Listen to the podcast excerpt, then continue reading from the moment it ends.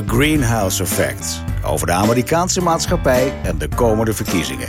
Ik ben Victor Chevoyer. Samen met Charles Groenhuizen is dit dus The Greenhouse Effect. I'll just give everybody a big fat kiss.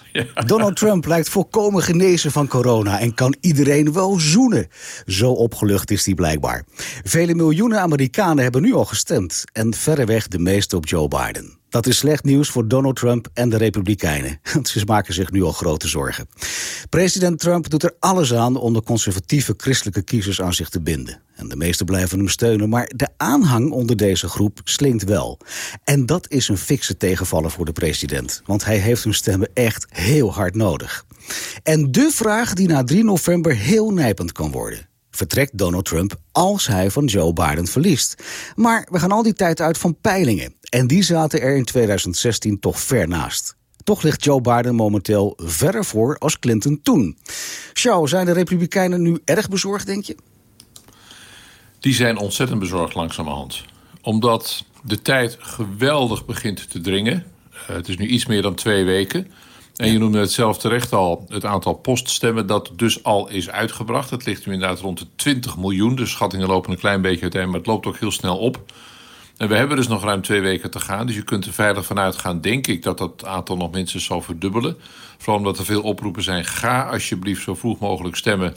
En doe die stemmen op de post. Of ga je in een van de staten waar dat kan gewoon naar het stembureau. Dat kan op een aantal plekken. Alles is verschillend altijd in Amerika per staat. Hè. Dat is een van de dingen die, waar je altijd veilig vanuit kunt gaan. Dus ja, ze mhm. maken zich grote zorgen. Want inderdaad, twee derde van die per post uitgebrachte stemmen... worden uitgebracht door als democraat geregistreerde kiezers. En dan kun je wel een beetje voorspellen in welke richting, welke richting ze gaan stemmen. Want een geregistreerde democraat die alsnog op Donald Trump stemt... dat is volgens mij een vrij zeldzame soort. Heb je enig idee hoeveel procentueel uh, straks uh, per post gaat stemmen? Wat is, het, wat is het aandeel daarvan?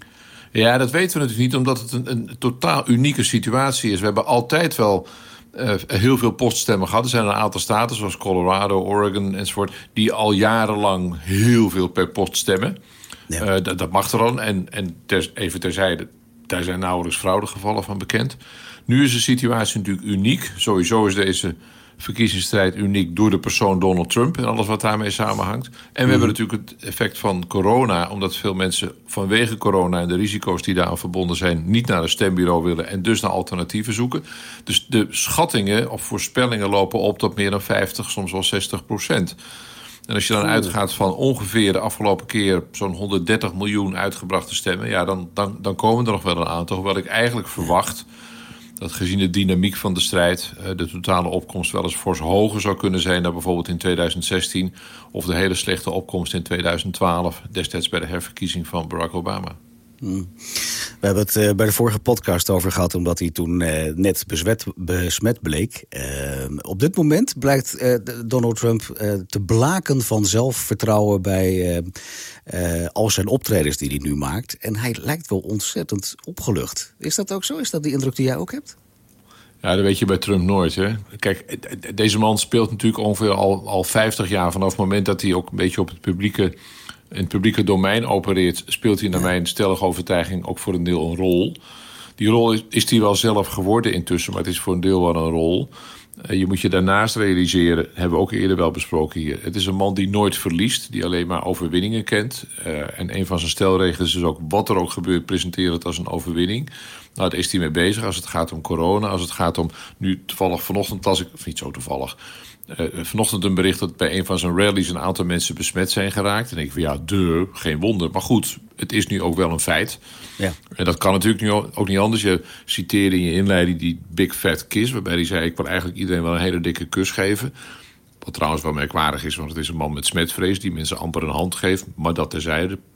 De politiek maakt, maakt alles vloeibaar, zal ik maar zeggen. De, de wens om herkozen te worden. Ja. Uh, maar ja, de, de, de dynamiek is nu zodanig dat hij wel zelfvertrouwen uit moet stralen. Dat bleek ook bij mhm. die uh, zo'n townhall-achtige meeting die we van de week zagen... die parallel was met Joe Biden in plaats van het debat... wat Donald Trump heeft afgezegd, dat weten we. Het interview. Ik moet zeggen dat het een pittig interview was. Ja, die, die, dame heeft, heeft, heeft, zeer pittig aangepakt. Heeft ook veel kritiek gekregen. en, en Nou ja, onder andere van Trump zelf.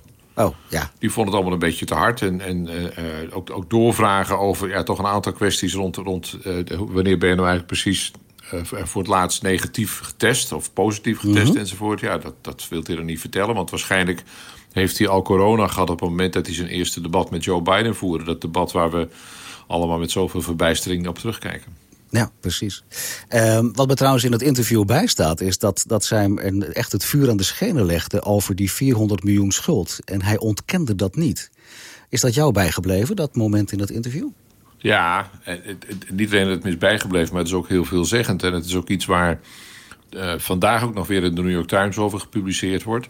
Ja. Uh, kijk, Trump doet net alsof die 400 miljoen uh, die, die, die, die schuldig is aan anderen, alsof dat is peanuts, zei hij. Hmm. nou, als je de New York Times weet je, die heeft al die belastingpapieren van Donald Trump te pakken gekregen en daar veelvuldig over gepubliceerd. Uh, voor een deel zitten die schulden bijvoorbeeld bij Deutsche Bank. Een van de weinige mhm. grote bankinstellingen die zaken is blijven doen met Donald Trump. Bijna alle anderen hebben wel een beetje afgehaakt. Zoiets van, oeh, daar blijven we maar even ver weg van. Daar komt bij dat hij natuurlijk ook last heeft van het coronavirus... als het om die grote bedrijven van hem gaat. Denk aan de golfcourses met hotels, ja. Restaurants en resorts erbij. Denk er bijvoorbeeld aan het fameuze hotel eh, om de hoek bij het Witte Huis, letterlijk... Uh, dat wat een, een Trump-hotel is, wat hij een jaar of, uit mijn hoofd, twee, drie jaar geleden geopend heeft. Mhm. Ja, dat ligt natuurlijk ook op zijn gat. Kijk, Donald Trump verricht wonderen. Uh, hij heeft zichzelf weer met Jezus Christus vergeleken. En die verricht ook wonderen. Nou, Donald Trump ook, dat weten we. En ik bedoel dat niet oneerbiedig verder. Uh, maar hij, hij zit financieel, volg, als je afgaat op die informatie van de New York Times... en die hebben er echt heel veel tijd aan besteed... zit hij financieel in, in, in, in deep shit in echt zwaar weer. Ja, er komen echt hele grote aflossingen aan die hij moet doen. En dat geld heeft hij niet. Hij heeft altijd heeft hij gaten gestopt door ergens anders weer gaten te laten vallen.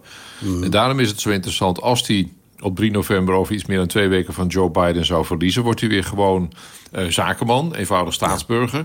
En wordt hij ook kwetsbaarder, verliest hij zijn immuniteit die hij als president en als commander-in-chief als vanzelf heeft en allerlei mogelijke strafzaken tegen hem, bijvoorbeeld op financieel gebied, die gaan dan gewoon weer door. En dan vervalt die bescherming die het presidentiële ambt hem biedt. Uh, en wordt hij veel kwetsbaarder. Een van de redenen wordt ook wel gezegd dat hij zo ontzettend graag herkozen wil worden. Is dat hij erop gokt dat hij nog vier jaar in het Witte Huis zit. En tegen de tijd dat het dan januari 2025 is, als hij dan zou aftreden na zijn tweede termijn, dat is ook een maximum. Hij heeft wel gezegd van ik wil een derde en de vierde termijn. Dat wilt u zeker ook wel. Maar goed, het stopt echt dan. Het gaat geen Intussen zijn dan een paar dingen verjaard. Mogelijke juridische bedreigingen, justitiële dreigingen die boven zijn hoofd hangen, zijn dan net verjaard. Dus jij zegt eigenlijk, als hij die tweede termijn erbij zou krijgen, stel dat hij de verkiezingen wel wint, dat dat hem voor hem zakelijk hem heel goed uitkomt. Ja, dat Vanuit zakelijk perspectief. Ja, omdat dan ook eh, allerlei eh, onthullingen of, of zeg maar bekendmakingen vanuit zijn uh, privéfinanciën en vanuit zijn zakelijke financiën kan hij dan weer een tijdje voor zich uitschuiven. Van mm zit de president toch niet in de weg en hij heeft immuniteit enzovoort. Ja, dat vervalt dus allemaal als hij gewoon een eenvoudig staatsburger wordt. Ja, precies. Je zei het net al over de christelijke kiezers. En uh, van de week heb ik naar uh, die documentaire zitten kijken van uh, Kom, hoe heet die collega van jou van de Evangelische Omroep? Die Thijs van der Brink. Staat. Ja, Thijs. Uh, geweldig. Uh, ook in de zin dat ik, dat ik ja, als, als wij het er hier over hebben, dan ligt dat zo ver van ons bed af. Maar ik vond het wel leuk om te zien hoe uh, die christelijke kiezers vanuit hun perspectief dat op die manier doen. En wat, wat de rol van geloof binnen die, die Amerikaanse Bijbelbelt is. Maar wat ik in de inleiding al zei, de aanhang onder deze groep slinkt wel. Ehm, heb je enig idee hoe, hoe die dynamiek nu binnen die Bijbelbelt is? Want die kiezers heeft hij heel hard nodig. Die heeft hij ontzettend hard nodig. Uh, sterker nog, in 2016 uh, er zijn een aantal factoren die hem uiteindelijk de overwinning op Hillary Clinton hebben bezorgd. Ondanks dat hij dus 3 miljoen minder stemmen had. Maar goed, op de goede plekken en Hillary had ze op de verkeerde plekken als het om de uitkomst gaat. Ja. Uh, als je het heel, over, over de, heel grofweg slinkt, godsdienstigheid in Amerika met ongeveer 1% per jaar denk je, nou ja, Dan heb je het over de algemene uh, ja, dus, gelovigheid. Als, als mensen zeggen, ja, ik ben godsdienstig... en, niet onbelangrijk, uh, sluit je je ook aan... of blijf je aangesloten bij een kerk. Mm. Maar goed, sinds pakweg de eeuwwisseling is dat 20 procent. nog eens 10 jaar is het 30 procent. Dus dat hou je niet zo heel lang vol. Mhm. Eh, en het ernstige is ook dat die, voor, de kerken althans de ernstige situatie is dat de, de jonge generatie massaal afhaakt. Dus wat wij, wat wij in onze jeugd hebben meegemaakt, Victor, ik in ieder geval als, als oud-mistienaar en goede, goede katholiek van, uh, dat, vanuit dat verre verleden, ja. uh, waar toen de kerken leegliepen, dat, dat zie je nu in de Verenigde Staten volop gebeuren. Dus die jonge generatie die haakt af. En, ik had het gisteren nog, ik had in een uitzending ook over de, christen, de christenen in Amerika gesproken. En, en kreeg daarna een reactie van iemand die zei: Nou, ik ben zelf christen. Hier in Nederland, uiteraard. En is het nou zo dat al die christenen zo eigenlijk zo gehoorzaam of zo kritiekloos achter die rechtse agenda van Donald Trump aanlopen? Nee, dat is niet het geval. De meeste wel, met name in de evangelical hoek. Dat is een beetje de streng protestantse hoek, een beetje EO-achtig. En dat bedoel ik niet onaardig naar Thijs van der Brink en al die anderen. Maar in die hoek zit het een beetje. En er zijn ook wel degelijk denk ik ook vanuit bijbelse inspiratie, progressief denkende uh, christenen. Misschien dan niet over abortus, maar wel over allerlei maatschappelijke dingen. Dat lees je ook veel. Dat mensen zeggen: Oké, ik ben als het gaat om bijvoorbeeld abortus, ben ik heel principieel bescherm menselijk leven. Nou, dat is het bekende standpunt van de, van de anti-abortus mensen. Dat kwam ook in die, in die documentaire kwam dat ook heel sterk terug. Dat men dat als, als, het, als het meest uh, uh, bepalende thema vindt. Hè? Dat, dat pro-life, zoals ze dat noemen pro-life. En dat, dat is ook wat, wat Trump nu heel erg aanhangt. Dat heeft hij ook niet altijd gedaan. Een zekere uh, lenigheid van geest kun je hem niet ontzeggen. Want hij heeft in het verleden uitdrukkelijk gezegd... ik ben pro-choice. Ja. Wat dus het pro-abortus standpunt is... waarbij de vrouw de keus geeft van om wel of geen abortus te willen. Die vrijheid moet ze dan hebben vanuit dat standpunt bekeken. Maar die, die, die daling uh, van de aanhang wordt nu door Trump versneld omdat mhm. een aantal christenen zeggen: ondanks misschien hun dan principiële uh, anti-abortus standpunt... van nou, het is langzamerhand wel mooi geweest. Ik kijk toch ook wel, en ik zeg het even in mijn eigen woorden... naar de, de, de bredere boodschap van de Bijbel... als het gaat om gelijkheid en rechtvaardigheid en naaste liefde. Allemaal kernbegrippen in dat christelijk geloof. En mm. die vinden, en ik denk met reden... dat Trump al die toch zeer fundamentele christelijke principes... dagelijks met voeten treedt door we hebben het vaker over gehad, hij maakt vooral vijanden in plaats van vrienden. Nou, dat is niet de boodschap van Jezus geweest destijds. Uh, en die, die haken dus af. En misschien dat ze dan met twijfel in het hart op een democraat stemmen, omdat Joe Biden wel pro-choice is en de meeste democraten dat zijn. Maar zeggen, nog vier jaar Trump is ook voor mijn geliefde Amerika rampzalig. En ik vertrek. Maar, eh, eh, geen misverstand, de meeste van met name die evangelicals zullen op Trump blijven stemmen, no matter what. Ja, ik moet ook zeggen dat, ik, dat, ik, dat die, die documentaire van Thijs wel indruk op mij maakt. In die zin, zoals je weet, ik woon in Wageningen en ik woon uh, super dicht tegen de Bijbelbelt aan. Ja. Uh, maar wat ik daar bijvoorbeeld zag, dan heb je het over jongeren. Uh, er was ook een basketbalvereniging waar het gebed bij elke pauze, bijna elke twee minuten komt dat weer terug. Dat is ongekend voor ons in Nederland, ook in de Bijbelbelt. Dat is een, is een hele strak geregelde organisatie. Maar tegelijkertijd kun je dan ook zeggen van joh, uh, uh, wij kunnen ons niet voorstellen hoe strak dat daar geregeld is. En als het daarin dan zo strak ligt dat men zegt van ja, dat pro-life blijft dan uh, natuurlijk lopen, dan kun je ook bedenken dat Donald Trump daar toch een grote aanhang aan blijft houden. Nou ja, ik, ik, ze lopen ook wel eens, naar mijn waarneming in ieder geval. Ik, ik, ben, ik ben een ongelovig mens. Uh, maar het is toch wel merkwaardig om eh, ontzettend pro-life te zijn... en te zeggen het leven begint bij de conceptie... en daar de anti-abortus standpunt aan te ontleden. Nou, dat, dat mhm. kan ik volgen. Wat ik dan niet kan volgen... is dat in diezelfde politieke agenda bijvoorbeeld de doodstraf zit. Ja. Uh, en bijvoorbeeld een, een verbod op... of het bijna onmogelijk maken van euthanasie... Mm daar kun je natuurlijk heel principieel over denken... maar dat zijn stuk voor stuk zijn er toch ook kwesties waar rechtvaardigheid, eh, als het gaat om de doodstraf bijvoorbeeld, gaat rechtvaardigheid en vergevingsgezindheid enzovoort een rol speelt.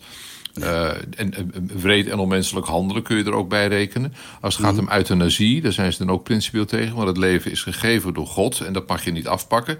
Oké, maar waarom dan wel de doodstraf? En waarom bijvoorbeeld, en daar hebben veel christenen langzamerhand heel veel moeite mee... en ik snap dat ook, waarom dan geen strengere wapenwetten? Er is geen uh, ontwikkeld rijk land ter wereld met zoveel moorden naar verhouding. En ook zoveel zelfmoorden met, met vuurwapens. Maar houd even bij die moorden. Op het moment dat je dat principiële pro-life standpunt inneemt. Trek dat dan ietsje verder door en ga eens kijken. Van, ja, maar waar vallen nou heel veel onnodig uh, onnodige doden? Nou, dat is bijvoorbeeld bij vuurwapengeweld. En praat dan en denk op zijn minst mee over de manier waarop je dat enigszins zou kunnen terugdringen. En je ziet heel simpel, ik heb er vrij veel studie van gemaakt omdat het zo'n fascinerend onderwerp is. Hmm. Kijk heel simpel naar de moordcijfers in staten. Alles gaat weer per staat in Amerika. We krijgen, we krijgen het vaker langs in deze podcast. Maar in staten waar strengere wapenwetten zijn, zijn de gemiddelde moordaantallen lager dan in staten waarin ze zeggen van nou, ga je gang maar. Ja. Zo simpel is het. Dus als je als christen wat breder denkt dan alleen maar dat, dat naar mijn oordeel vrij enge pro-life eh, rond abortus. En nogmaals tot je dienst, en dat moet je vinden. Maar trek het dan ook consequent door. En dat doen ze vaak niet. En er zijn nu grotere groepen christenen die die nuance wel aanbrengen. En op grond daarvan nu ook het Trump-kamp verlaten.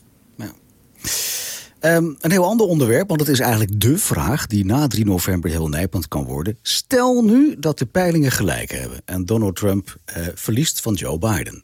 Gaat hij dan ook? Zijn daar nog ontwikkelingen in? Want we hebben het de vorige keer hebben het er ook over gehad. Maar er zijn weer wat uitspraken geweest, geloof ik. Ja, hij, hij, hij blijft er een beetje wat ze noemen wishy-washy over.